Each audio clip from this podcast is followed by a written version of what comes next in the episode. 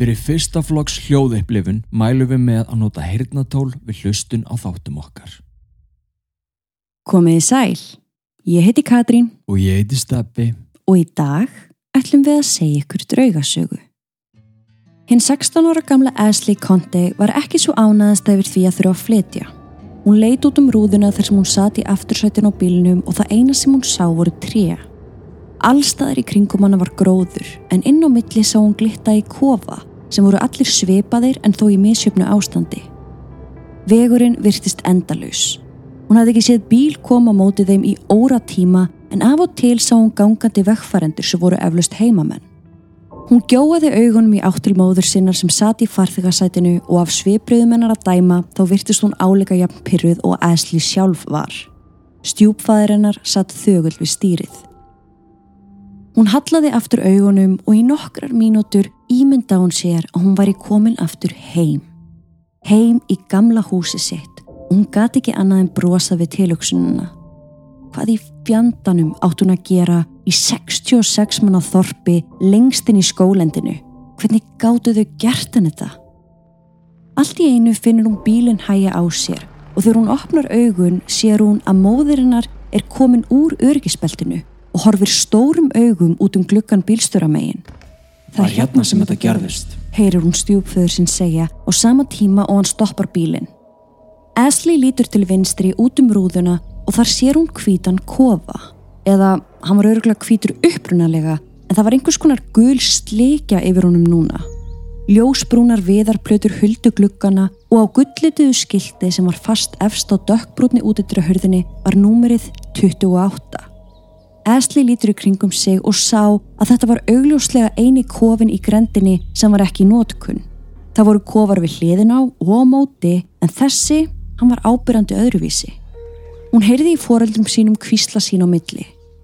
Af hverju hafa þau svona mikinn áhuga á þessum gamla og ljóta kofa, hugsa hún með sér. Ekki þetta kofin sem þau voru að flyti í. Hún reyndi að heyra hvað foreldrarna voru að segja en það var greinilegt að þau vildu ekki hún heyrði í þeim. Hún andvarpaði og leit niður. Skyndilega sér hún hreyfingu út undan sér. Snögglega lítur hún við og þá sér hún stóran skugga koma úr rjóðurinnu. Þessi skuggi var í læginu eins og barn en hún sá þó engungu útlínur sem voru fylltar upp í með einhverju sem var svartara en svart. Þessi vera fór fram hjá húsinu og hvarf svo bak við tríðin hinum megin. Hvað var þetta? kallaði hún til fóreldra sinna en þau gaf henni ekki gaum en þá að kvíslast sín á milli. Það þarf að rífa hann. Heyrir hún stjúpföður sinn segja. Það dyrfist engin að stíga fætið þangað inn lengur. Rétt áður en hún nær að spyrja móður sínar hver sagan á bakvið kofan væri, kveikir stjúpfæðarinnar á bílnum og hann röktir á stað. Hún sér móður sína þurrka á sér augun, rétt áður en hún snýr sér við brosandi og spyr Ashley, ertu tilbúin að sjá kofan sem við ætlum að búi? Ashley kinkar kolli. Hún fær kannski ekki upp úr foreldru sínum hvað sé svona merkilegt við hennan kofa, en það hljóta einhverjir að vita það. Einhverjir krakkar hljóta að hafa sníklast angað inn. Hún snýr sér við og horfir hugsi á kofan út um baklökan. Hún finnur hroll skrýða niður bakið á sér. Það var eitthvað við þennan stað. Eitthvað við þennan gulkvíta kofa sem vakti áhuga hennar og hún lofaði sjálfur sér að hún myndi snúa tilbaka við fyrsta tækifæri. Kanski var þetta ekki jafn döður bær og hún hjælt. Veri velkomin í kofan numur 28.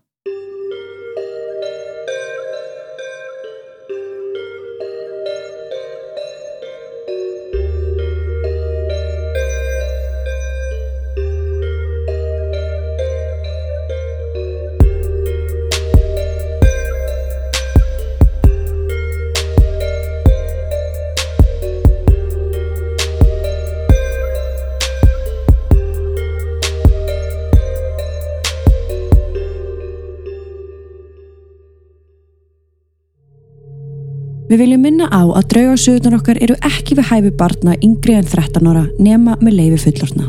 Og með því hefjum við sögu dagsins.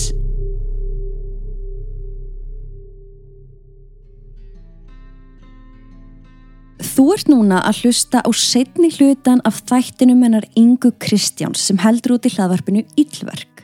Inga er góð vinkun okkar og svo fyrsta sem að bauð okkur velkomin inn í þennan hlaðvarpsheim þegar við byrjum árið 2020. Það er rétt. Mhm. Hún sendi okkur línu í vikunni þar sem hún bað okkur um álit. Hún sagði okkur að hún var að fjalla um morðmál í kofa 28 sem átti sér stað þann 11. apríl árið 1981 í pínu litlu bústæðakverfi í Cary, Kaliforníu. Mjög stuttu máli þá bjó Glenda Sue Sharp í þessum kofa ásamt börnum sínum fimm. Sheila, dótturinnar sem var þarna 14 ára gömul, hafði fengið að gista hjá vinkonu sem bjóð þarna skamt frá og þetta eru bara sumabústæðir, við við hlið við hlið. Svona litli kofar, bara alveg eins og þú sérð fyrir þið bara í svegnaskarði eða hérna út á landi. Algjörlega. En þegar Sheila snýri heim morgunin eftir, kom hún á móður sinni látinni ásamt stóra bróður hennar og vini hans. Þrjú lágu þau í blóði sínu á stofugólfinu. Hún fann tvo yngri bræður sína levandi inn í svefnherberginu þar sem þeir lágu stjarfir ásamt vini þeirra sem hafi fengið að eigða nótt hjá þeim. Tínu litlu sýstur sína sá hún hvergi. Sheila náði að koma drengjónum út úr húsinu í gegnum gluggan til þess að þeir þyrst ekki að ganga í gegnum morðvettvangin. Síðan var haft samband við laurugluna. Þetta mál er enn óleist í dag þó að það séu og kannski í rauninni þá hafa alltaf verið sterkar grumsendur um hverjir það voru sem að frömdu þetta voðaverk og af hverju. Inn í þetta flækja síðan spiltar lögreglur og falin sönnunagögn en Inga fjallar um þetta allt saman í sínum þætti sem að koma út líka í dag. Já og ástæðan fyrir því að hún hafði samband við okkur var vegna þess að í gegnum árin þá hafa sprottu upp draugasögur í kringum hennan kofa og á þessu svæði bara eins og það leggur sig. Okkur fannst þetta mál spennandi og þá kom upp svo hugmynd að skella í eitt stykki samstagsverkefni sem myndi þó virka þannig að Inga myndi fjalla um þennan hrottalega glæp og allt sem honum tengist í nýjasta væral þættinum hennar sem eins og þú sagðir kom út í dag og við tækjum svo við boltanum og myndum skoða draugasögurnar í kringum hann. Þetta er bara rosalega spennandi. Ég held að þetta get ekki klikkað. Nei, veit. Engar áhyggjur samt ef þú ert ekki búin að hlusta á þáttin hennar Ingu. Þá getur þú gert það þegar þú ert búin að hlusta á þennan þátt. En hafðu það í huga að við erum samt aðalega að fara að tala um hvað gerðist fyrir morðin og svo um alltaf yfirnáttúrulega sem kom á eftir. Svo til þess að fá heildarmyndina þá hvetjum við þig eindreið til þess að hlusta á þáttin hjá Ílverk vegna þess að þú átt eftir að hafa spurningar og þú átt eftir að vilja vita og Inga á eftir að segja ykkur það í smáatröðum hvaða var sem gerðist nákvæmlega í kofa 28. Bærin Keddi var í upphafi aðeins þekktur sem játbrautabær. Þeir einu sem að byggu þar áttu einn eða annan þátt í uppbyggingu á játbrautakerfinu sem tegðu sig út úr allri Kaliforníu. Bærin er nefndur eftir frumkvöðli í þessum bransa, Arthur Waff Kerry. Nafn sem bærin ber ennþá í dag þó að íbúar séu hans nokkru týjur eftir. Já, eru rosa fáir sem búa þarna, ég er ekki alveg með fjöldan nákvæmlega í dag, en Bara örfá að hræður. já, Bærin var þekktastur fyrir að hafa einu játbrautateinana sem stóðu upp úr vatni og mynduðu hið fræga Ypsilon, ef þú sér þetta fyrir Mm, já, þér, já, já. sem mættust svo í jarðgöngum. Fljótlega var hótel opnað í bænum sem að reyndist fyrir áhugavert stopp fyrir túrista og í kjölfari var þetta resort stopnað, Mm eða ekki? Jú, rétt. Fólk kom og gerði sér ferð til þess að komast í frí til Kerry, en svo kom efnahagskreppan. Mm. Hótelið brann og flestir mistu vinnu sín. Branda? Ég, það bara brandi kaldra kóla og það fóst með þess að einn maður þar. Ég vissi það ekki, var það síðan byggt upp bara aftur? Já, Ok. Skömmu síðar var bærin eins konar afdrepp bara fyrir heimilislausa af því flestir voru búin að missa vinnu sínar. Mm Tjaldbúðir voru þarna svo settar upp fyrir þá fátæku sem síðan brötist inn í hús til að næla sér í mat og drikk eða einhver vermæti. Já, þetta er að gerast fyrir morðin. Já, löngu fyrir, bara já. fljótlega eftir efnahagskreppuna 1920-30. Saga bæjarins nær ekki mikið lengra aftur en til aldamótana 1800-1900 og Svo virðist sem að indjánar eða frumbyggjar hafa ekki verið með hennar búðir þar. Þetta er nú bara eiginlega fyrsta sagan örugglega sem við tökum í bandaríkjanum þar sem indjánar eru ekki, Einmitt. kom ekki við sögu. Það sem að bandaríkjaman koma bara og, og nema það Mm. fyrstir, algjörlega. En margir þrælar voru þó mjög líklega störfum þarna á játbrauta Já. uppbyggingatímanum. Í dag er bærin hins vegar bara þekktur fyrir cabinmorðin og nefn ekkert annað. Ekkert annað. Það hafa ekki margir paranormal rannsaketur tekið staðin í gegn sem er pínulítið óskiljanlegt því þetta er bara hann í miðri Kaliforníu. Einmitt stutt fyrir alla þess að gæja að fara sko. Já, en þeir sem hafa þó tekið staðin út hafa vissulega náð sönunagögnum um að eitthvað yfirnáttúrulegt leynist svo sannarlega þarna í skóginum. En hver það er eða hvað það er, það er eitthvað sem að fólk er ekki alveg að sammælast um. Ekki alveg. En þeir fóru að skoða þetta því að margir hafðu heyrt í óútskýrðum hrópum og köllum koma úr myrkrinu. Fótatök heyrast greinilega úr öllum áttum allstar í kringum fólk. Ljósagnir byrtast upp úr þurru og virðast hafa algjörlega sjálfstæða eiginleika. Það er þó eitt sem virðist engina þá sem heimsækja staðin.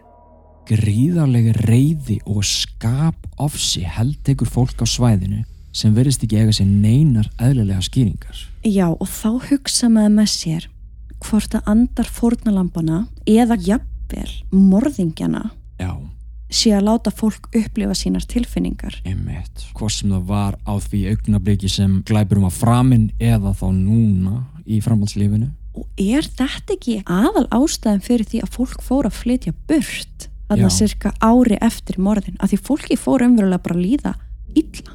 Út af bara draugagangi. Mm Við höfum margóft farið yfir þetta í þáttum okkar en orkan sem við skiljum eftir getur stundum verið það sem við köllum residual. Já, og þið geti í rauninni ímyndað ykkur bara vínilplötu sem að spilar tónlist eftir nálinni á meðan þar snúast. Það er talið að tilfinningaþrungnir atbyrðir, sterkar tilfinningar, morð og fleira spilist við aftur og aftur við ákveðin skilirði eða á ákveðnum tímum dags eða árstana. Í rauninni er þetta ekkit endilega sko draugagangur, heldur bara orka sem er skilin eftir. Akkurat. Svo er það intelligent reymleiki þegar um er að ræða vitsmunalega anda sem að svara þá spurningum eða skipunum eða þá bara banka, svo dæmi sér tekið. Já. Að sjálfsögur það líka rattir á EVP eða í gegnum Spiritbox sem að svara þá vitsmunalega þeim spurningum sem við spyrjum en ekki það rattir sem verðast bara vera að tala við sjálfan sig eða kannski bara sín á milli. Borið hefur líka á því að fólk hefur sér lík bregða fyrir hangand úr trjágreinum í grænt við staðinn þar sem húsið eitt sinn var. Já, en það var samt engin úr sjálf fjölskyldunni hengdur á slíkan hátt. Nei, og það vekur þá í rauninni bara fleiri spurningar heldur en að gefur okkur einhver svör. Hvort það hafi verið eitthvað sjálfsvíðan á staðnum. Hver veit? Ég meina, jú, eins og þú varst að segja áðan, áður en þessi morð gerast, Já, þá greinilega er þarna fólk sem á erfitt. já, mjög. Þú veist, maður getur alveg ímynda sér. Já, kannski er það eitthvað sem að, já, vel morðingin eða morðingjarnir gerðu fullir á sektakent, þú veist, drömdu sjálfsvíg. Eða kannski er það eitthvað illt aflatna sem hefur heldtekið staðinn og gerir allt til þess að hræða líftórun úr fólki sem að voga sér að stíga fæti á landið þeirra. Eitt paranormal teimi sem rannsakaði staðin náði ansi ágættum sönunagögnum í skólendinu árið 2021 en þó aðalega í formi rafsegulsbylgjumælinga sem að jú draugar eða andar eru sagðir gefa frá sér eða vera búnir til úr. Mm Og það styrkir svo litið orðráminn um draugagangin því auðvitað er ekkert sem ætti að kveikja á rafsegulsmælum í miðjum skóginu. Nei, nefnilega ekki. Svörin virtist líka vera vitsmunaleg, þá svona já eða nei spurningar, blikkað einsum fyrir já, mm -hmm. fyrir nei, þau skiljiði þetta. Þeir voru einnig með svona spurningamæli með svona rauðu og græni ljósi sem að táknaða það sama, þá grænt fyrir já, rauðt fyrir nei. Já og það virðist vera á allavega þessu teimi og ég Mhm. veit alveg fleirum sem hafa farið þarna að meðlumir sjarpfjölskyldunar ráfi ennum svæðið en miða við þeirra rannsókn að þá var hvað þarna ferðinni kvennmaður, er það Já, ekki? sem var viðstödd þetta örlaðaríka kvöld Þannig að þau ná sambandi við einhvern anda mm sem segist frá kona. og hafi verið viðstödd þetta kvöld. Já, Þetta er tvær í hug. Já, Þetta er í hug Tínu, litlu stúlkuna. já, sem var drepin annar staðar. Mm Eða Marilyn, konuna Smarty. Já. En ég veit ekki hvort hún sé dáin. Já, í dag, nei, það er nefnilega spurning. Já, þá bara hún glenna sjálf. Orðabanki sem þau voru líka með framkallaði líka ítrykka orðin og setningarnar fyrir gefðu eða mér þykir þetta leitt. Já. Orðabankin þá er þetta sagt tæki sem er fullt af orðum inni og Já. það er talað að andar geti notfært sér þetta Þessa- tæki. Tækni og, og vali sér orð. Já, það voru líka talað um orðin dauði, Death. nýfur, Knife. það passar, Já, en svo hvað? Richard. Nafni Richard. já, það er svolítið skrítið. Ég veit ekki alveg hvaðan það kemur, en Nei. eins og við erum búin að tala um og Inga er búin að tala um þetta er náttúrulega óleist mál Já, akkurat. þó það séu mjög sterkar grunnsemdir um hver Mhm. gerði þetta þá er það náttúrulega samt ekki pottjætt Nei, nei, einmitt. Þetta var svolítið flott til þeim, sko, að því að þeir svona sem að eru skeftískir á þetta, það vakt alveg miklu aðtigli að þetta tæki var alveg hljótt bara ógeðslega lengi. mm -hmm. Svo allt innu þegar þið náðu sambandi á öðrum tækjum, þá allt innu fór orðabankin í gang. mm. Þannig að, já, en heilt yfir litið þá var þetta mjög dramatísk og sorglega rannsókn og þessi menn sem að rannsókuðu skólandi voru greinlega í miklu uppnámi og fundu sterklega til með fórnarlöfum fjölskyldunar og sérstaklega það sem að skilabóðin sem þeir fengu þegar þeir kvöttu Please. voru come back again Come back again. Eða Nei. komið aftur setna. Við höfum frá upphafi séð til þess að hlustendur fái fyrsta flokks upplifun í þáttum okkar með hljóðgæðum á heimsmæli kvarða. Það er mikill tími sem fyrir rannsóknarvinnu, skrif og eftirvinnslu, myndakápur og myndbönd. Við eigðum ekki þínum verðmæta tíma og komum okkur alltaf beint að efninu. Þeir sem hafa séð sjónvastættun okkar eru hungraðir í meira og því erum við með gríðalegt sapn af vefþáttum úr rannsóknum okkar bæði hér á landi og erlendis. Sönnunargögnin úr ferðum okkar hafa fengið hörðustu evasendamenn til þess að hugsa sér tvisvar um. Svo kontu og vertu með. Það er engin binding og yfir 400 þættir sem býða eftir þér og margar klukkustundra afþreyingarefni inn á patreon.com skástrygg draugasögur. Þið sem hafi verið með okkur í fjölskyldu dýnamikinni þar vitið að draugasögur eru svo sannarlega miklu meira en bara hlaðvarp. Svo eru auðvitað fleiri tegundir af reymleika eins og poltergeist og fleiri sem einnig má nefna en okkur fannst við samt knúin til þess að nefna þriðja möguleikan í þessu samengi við þetta mál sem sagt á eftir residual og vitsmunalega. Mm. Það er djöfulega ásök. Já, ég hugsaði þetta rosalega mikið Já. þegar ég var að rannsaka þetta. sem sagt eitthvað vond og illt sem hefur aldrei verið lifandi og gengið um jörðina í mannslíki. Hið illa brýtu sér leið úr klóm helvitis þar sem að voflegir atbyrðir hafa átt sér stað eða eru í þann mund að gerast. Mm Við getum hugsað okkur þetta eins og að búa til Halloween. 31. oktober ár hvert þegar hulan á milli heim okkar lifandi og heim þegar látni er hvað þinstur. Já, og til dæmis, í hvert skipti sem að morð á sér stað, þá er þessi hula þrengt Akkurát. og skapast þá op fyrir djöfla og djöfulegar verur til þess að brjótast í gegnum vegna þess að náttúrulega illt sogast það illu.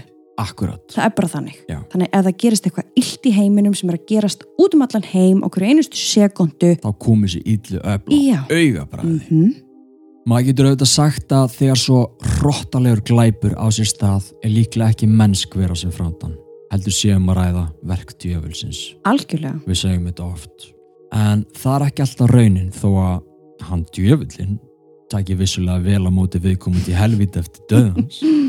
það sem við eigum við er að kannski, bara kannski, er þarna eitthvað djöfulegt á sveimi sem hefur fest sig við andrúnsloftið, trén og staðinn þó að kofin litli standa ekki lengur þarna. Nei, hann var rifin árið 2004 Já, að því fólk bara fekk nóg. getur þú ímyndað þér sko. En ég held alveg að það séu þarna svartar verur sem að fela sig í myrkrinu. Og eins og þegar það er talað um haunted hluti eða rimda hluti eða hluti sem kvílir á bölvun, þá er svona óskrifu regla að maður gerir illt verra með að henda eða brenna hlutin eða eins og í þessu tilviki húsið. Já, rífa það niður Mhm. eða. Já. Svo þó að húsið eða þessi kofi sem núna farin er þar með ekki sagt að ílskan sé líka horfin. Gleimum svo ekki þeirri kenningu að þeir sem fremja morð eru sagður vera fastir á milli heima eftir döðasinn og það á þeim stað þar sem þeir frömdu glæpsinn. Ég menn einhver staðar þurfa óvandur að vera. Segðu þið. Þetta er hansi áhugavert. Mér langar samt aðeins að við skoðum störf miðla sem hafa tekið út staðin. Ó, já. Af því að ef þið hafi hlusta á þáttinannar yngu þá vitið þið að það voru þarna sískinni sem að lifiðu af. Mm. Sheila kom að mömmu sinni og hún hjálpaði bræðurum sínu tveimur út um gluggan sem alveg merkilega, Sváfu í gegnum þetta allt saman. já, mjög, mjög dölafullt. En þegar þessi börn urðu síðan fullorðnir einstaklingar þá vildi það sjálfsögðu fá svörum hvað hafi gerst þessa örlagaríku nótt og það gerði þau með hjálp miðla. Ok. Miðillin Donna Raymond fór á staðin ásamt konu sem var með einhver svona paranormal tæki, hún var með EMF mæli til þess að mæla rafsegulsbylgjur og Já. EVP tæki til þess að taka upp rattir. Vá hvað það er gott að vera meðill sem er líka svona pínu paranormal rannsakandi. Já sko, paranormal ansakandin er annar. Já, ok. Það var alltaf kona með. sem sérst fylgdin út um allt með tækin. Ok, Það fíla mjög gott sko. Já, já. En þessi miðill, hún nær sambandi við Glennu Sue og hún sagði að hún væri mjög reið. Og í rauninni allt sem ég er að fara að segja ykkur núna er að koma frá Donnu, frá miðlinum. Hún segir að Glenna sé först á milli tveggja heima Sem og, já, og að hún gerir sér ekki grein fyrir því að kofin sé ekki lengur þarna. Að því eins og þau sögðum, hann var rifin árið 2004. Þannig að það er að komast að því, hún er að ná sambandi við Glennu sem Glennu. var drepin. Og Glenna er ennþá först í í kofanum. Og hún segist vafra þarna um í myrkrinu og að hún muni ekki kvílast fyrir en morðingjarnir svara til saka. En náttúrulega menninni tveir sem eru grunaðir um þetta morð þeir eru báðir látnir Já. á þessum tímapunkti Ó, hvað gerir maður þá? Akkurat. Glenna segir og hún vil taka það skýrt fram við miðlinn að hún hafi þekkt mennina tvo sem að komu og að hún hafi opnað hurðina fyrir þeim af því það hafi verið vangaveltur um hvort þeir hafi rutt sér leiðin eða hvernig Já. það hefur gerst. En hún segir nei, veistu, ég var aðna og ég opnaði mér brá þegar ég sá þá en það var ég sem opnaði fyrir þeim. Og og, hún þekkti þá. og hún þekkti það og hún er mjög reið út í sjálfan sig fyrir að hafa gert þetta. Og hún verðist ekki geta fyrirgefið sér það. En ég meina auðvitað vissi hún ekki að það er þeir ráðist á þau. Á, þarna kemur kannski I'm sorry, fyrirgefi sem að var að poppa þarna upp á Já, það rannsakandi. verið, það geti verið. Donna miðill á erfitt með að einbytta sér vegna þess að hún heyrir hún virkilega heyrir kvalar öskrin svo hátt og svo skýrt. Hún heyrir hvernig Glenna barðist fyrir lífi sínu og hvernig hún grát bað morðingjana um að taka bara hana og láta börnin vera. Hún heldur áfram að öskra að hún viti hverjir mennirnir voru og að þau séu núna först Þegar Donna spyr hvort að börnin séu með henni þá játar hún því. Hún segist passa upp á þau en að í kringum þau séu svartar verur sem hún er að reyna að halda í skefjum. oh, Gæsá Þegar að Sheila nálgast síðan meðilinn, Sheila, dóttir hennar, Já, sem er lifandi, sem að kom Já. að þessu Já. vettfangi hún lappar síðan til meðilsins. Já, Bara þú veist, mér langar að reyna að hafa sambandi um mömmu. sjálfsögðu Og þá byrjar Glenna að tala til hennar í gegnum meðilinn og hún grát byður dóttur sína að koma sér í burtu. Hún segir henni að þarna sé hún ekki óhult og að hún eigi að koma sér heim. Hún virðist, og hérna finnst mér þetta pínu dulafullt, Já, hún virðist reyna að sannfæra hana um að það sé allt í lægi með hana og bróðurinnar og systur en að hún get ekki kvilt í friði fyrir mennin séu dæmdir fyrir morðin og hérna því þú varst að tala um ílskuna á þann já, hún er að segja við meðilinn áður en síla kemur, bara ég Já. er föst það er myrkur, það er dimmt, það eru skuggaður allt í kringum mig, þú veist ég er að berjast. Ég er að passa börnin. En svo allt í einu þegar síla kemur þá segir hún, það er allt í lægi með mig þú veist, farðu bara hérna. Ah, Þannig að er þetta já. virkilega móðulega eðlið sem er bara svona, heyrðu, þú veist, farð þú að halda áfram með þitt líf, ég er í þessum fætt Já, ætlum maður myndi ekki gera það. Eða er eitthvað annað dekkra að tala fyrst Já. og svo er það mamman sem kemur í gegn og segir, hei, ekki hlusta, þú veist, Mm, farðu, já. þið eruð ekki örug, skilur Já, já, ég, fó, ég fór í þessa vangaveltur en miðlinn segir að móðurinnar elsk hennar mjög mikið og að hún vilja, mitt eins og ég sagði, að hún haldi áfram að lifa sínu lífi. mm. Og Donna segir henni að móðurinnar sé mjög sterk en líka þrjósk. Hún ætlar ekki að fara, skilur þau. Eftir þetta þá ákveða þau að ganga kofanum við hliðina á það sem Martin bjó. ah. En rétt áður en þau fara að honum þá næst þetta EVP-arna sem við ætlum að lefa ykkur að heyra. ok, Hlusti vel, við skulum spila þetta tvisvar.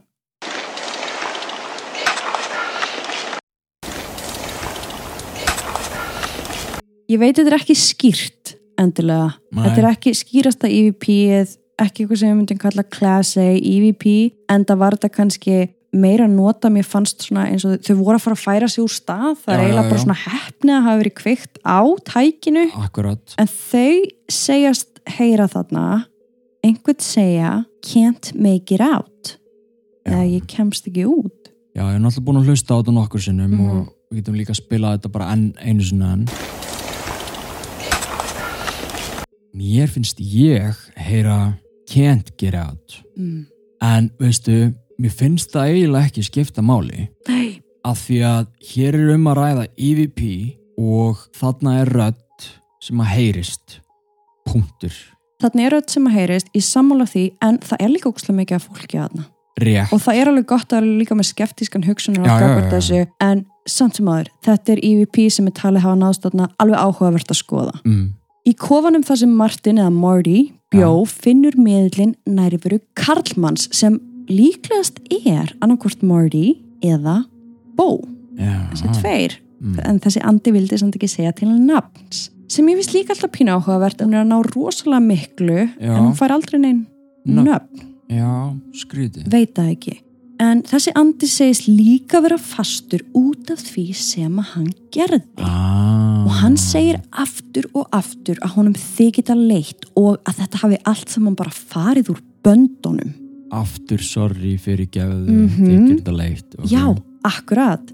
Hann talar um að upprunalega þá ætluðu þeir engungu að ráðast á glennu og, og ráðast á hana bara illa en þeir ætluðu aldrei að drepa neitt. Þetta átti aldrei að verða morð. Þeir voru reyður út í glennu og vildu gera henni mein en börnin hafi síðan flækst inn í þetta og í kringum hennan mann er hiftarleg reyði en líka sorg.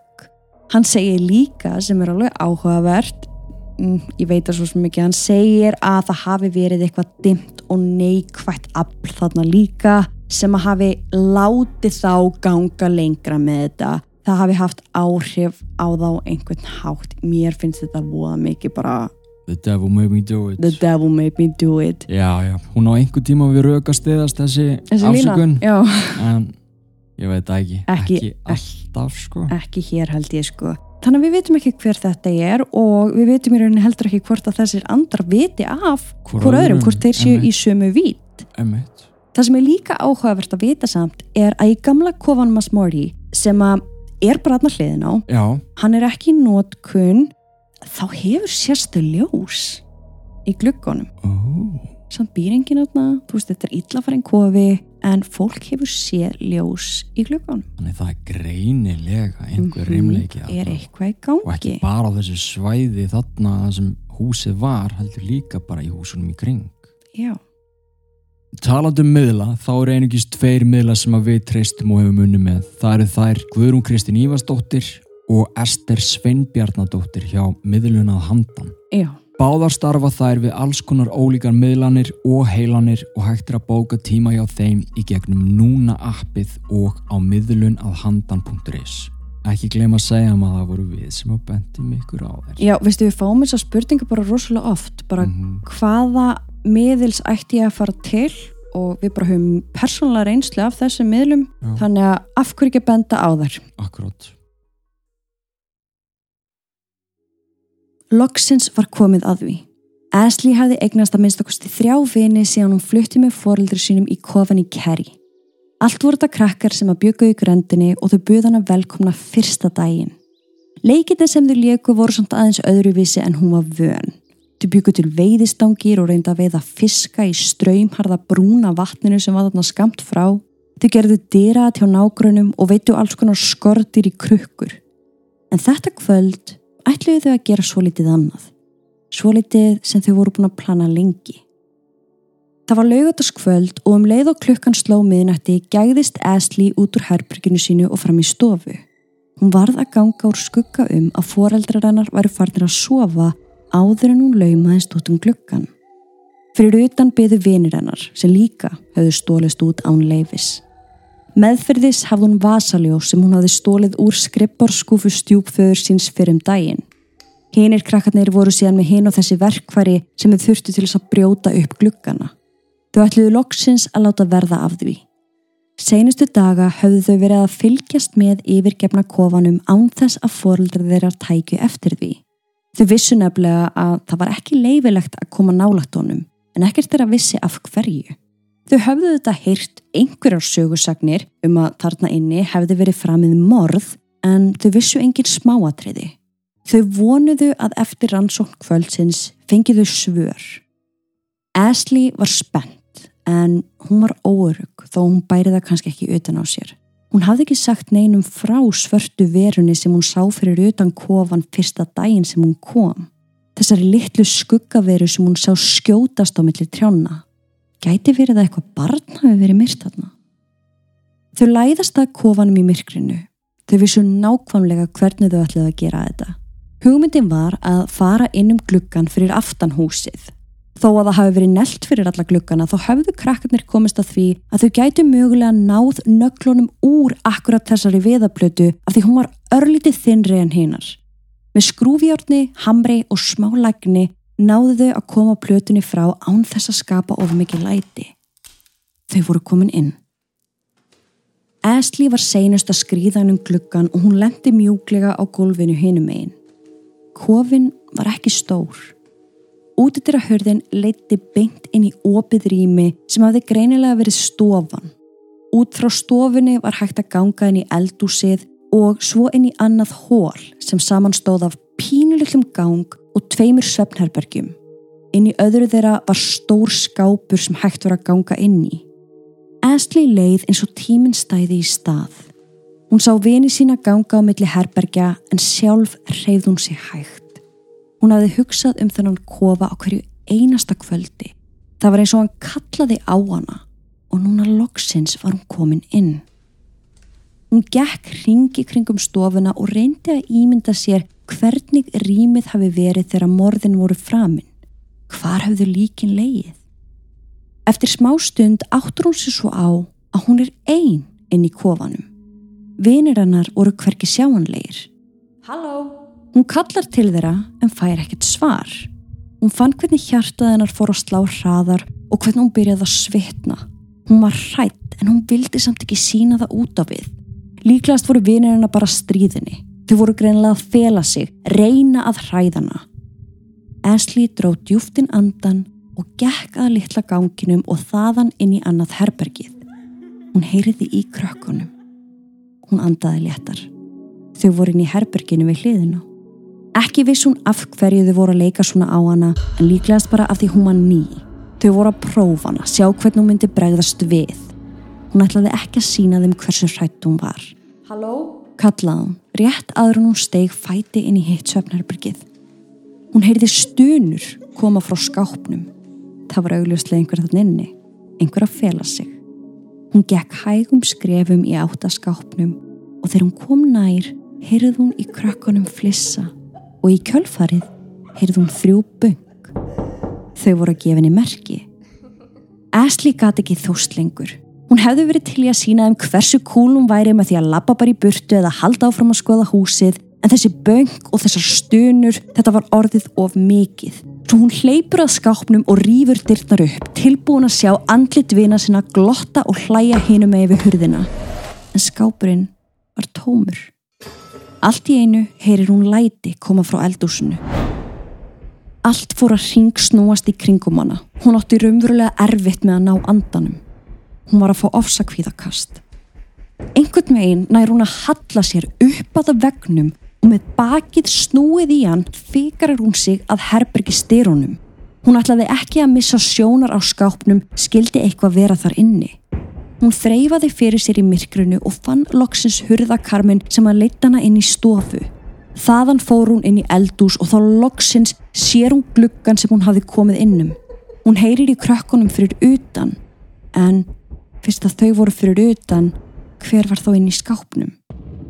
Rétt áður en hún smegi sér út verður henni litið á veggin beint á móti og þá sér hún hvernig einhver hafði skrifað orðið no þrísvar sinnum stórum stöfum á veggin og ekki með túsblíjandi heldur hafði einhver skorið stafina í veggin. Ashley vissi ekki hvað var að gerast en hún vildi koma sér burt og það strax. Hún hýfur sig upp í gluggan og snýr sér svo við. Hún byrjar að setja fætuna neður en rétt áður hún sleppir taki og lendir á jörðinni hinum einn sér hún stóra skuggaveru standa á miðju eldúsgólfinu fyrir framann skemdaverkið á vegnum. Þegar hún var komin út var hún reið. Þetta var full langt gengið. Það er eitt að fela sig fyrir henni og reyna bræðinni en að skera orð í viðarveggi til þess að fríkana út, það var annað. Hún gengur af krökkunum þar sem þau stóðu í ring og fer svo fram hjá þeim án þess að segja orð. Dagarnir liðu og Ashley held sér meira og minna heima. Krakkarnir komu og spurðu eftir henni fyrstu dagan og eftir en hún bað fóreldra sína um að vísa þeim burt. Það var ekki fyrir en viku setna sem hún samþykta að hitta þau og tala um hvað hafði gerst hann um kvöldið.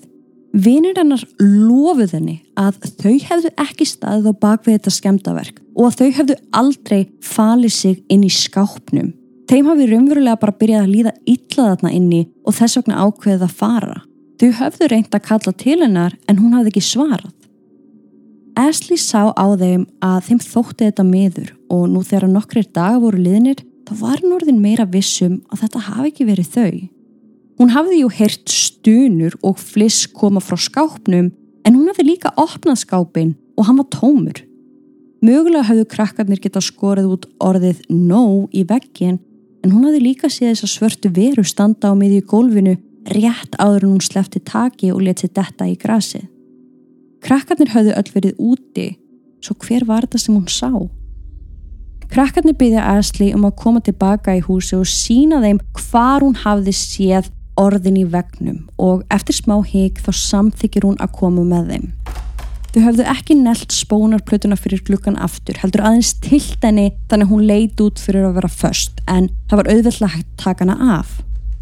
Krakkarnir klifruðu inn um gluggan en til mikillar förðu þá voru orðin horfin af vegnum. Í þau ár sem að Ashley bjóð þarna þá heimsótt hún kofan oft. Fyrst til að byrja með þá fórum við krökkunum en með tímanum byrjaði hún að þóra að fara einn.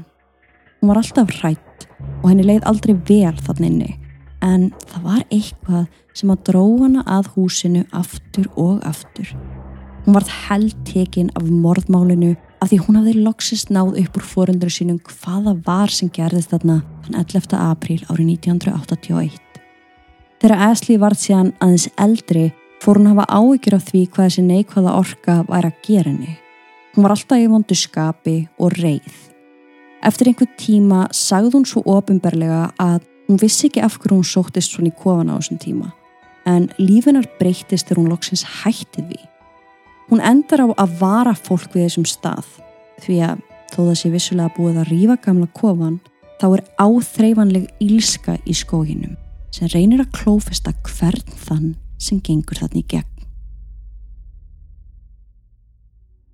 Mér finnst sagan hennar Ashley mögnuð og ég veit að hún var ekki eina manneskinn á svæðinu sem var að finna og verða vittni af yfirnáttúrulegum atbyrðum og mér langar bara að henda þessari stuttu sögu hérna inn. Já mannstu ég sagði þér, ég fann fólk sem að bjói í þessu húsi, ég held fimm árum eftir morðin. eftir morðin og hún er einmitt að deila myndum bara því sjáu hérna, ég bý hérna með fjölskyldinu minni með börnunum mínu, það er ekki blóð á veggjónum skilu, Já. þú veist, þetta er bara heimilu okkar Heimili.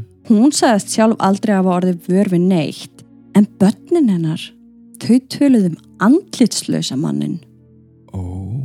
mhm mm þá er bara verðt að minna það að börn eru sjáandar allt til 12 ára aldurs mm -hmm. og sjá mun meira heldur en við fullorðna fólki almennt og hún var ekkert að neyta fyrir það, hún sagði bara ég sá ekki neitt en krakkati mínir þeir voru að tala um andlitslösa mannin. Áhuga verst. Það er ástæða fyrir því að fólkið fór í burtu eftir morðin. Heimamenn örðu varið við poltergæst heima hjá sér þar sem glös og diskar duttu af hillum og á gólfið. Mm -hmm. Hlutir týndust og byrtust á hinum og þessum stöðum, jafnvel í öðrum húsum. Já, einmitt. Þetta er mjög skrítið sko. Já, skapgerðabreitingar urði algengar og mikið vandamál hjá sumum. Í einhverjum tilfellum þá splundraði það upp heilu fjölskyldunum. Það virðist ekki vera sem fórnalömpin fái réttlætinu fullnægt í þessu lífi ef að sagbortningar er ekki lengur á lífinu sinni. En getur verið að það sé kannski eitthvað réttlæti í lífinu sem kemur á eftir okkar.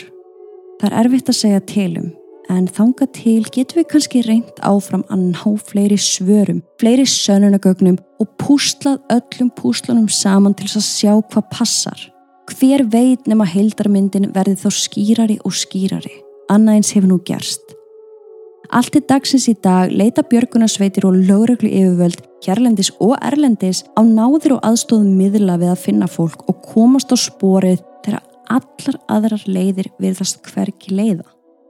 Hvort sem sálir þeirra Glennu, Johns, Dana og Tínu seti eftir fastar í byðstuð eftir réttlæti, sé haldið í gíslingu af yllum öblum eða sé nú þegar komin í sumarlandið, þá vonum við svo heitt og innilega að þau finni frið og þá hlýju sem þau þurfa til þess að geta haldið áfram. Við verðum að trúa því, hvort sem það er í þessu lífi eða því næsta, að réttlætið sigri alltaf að lokum.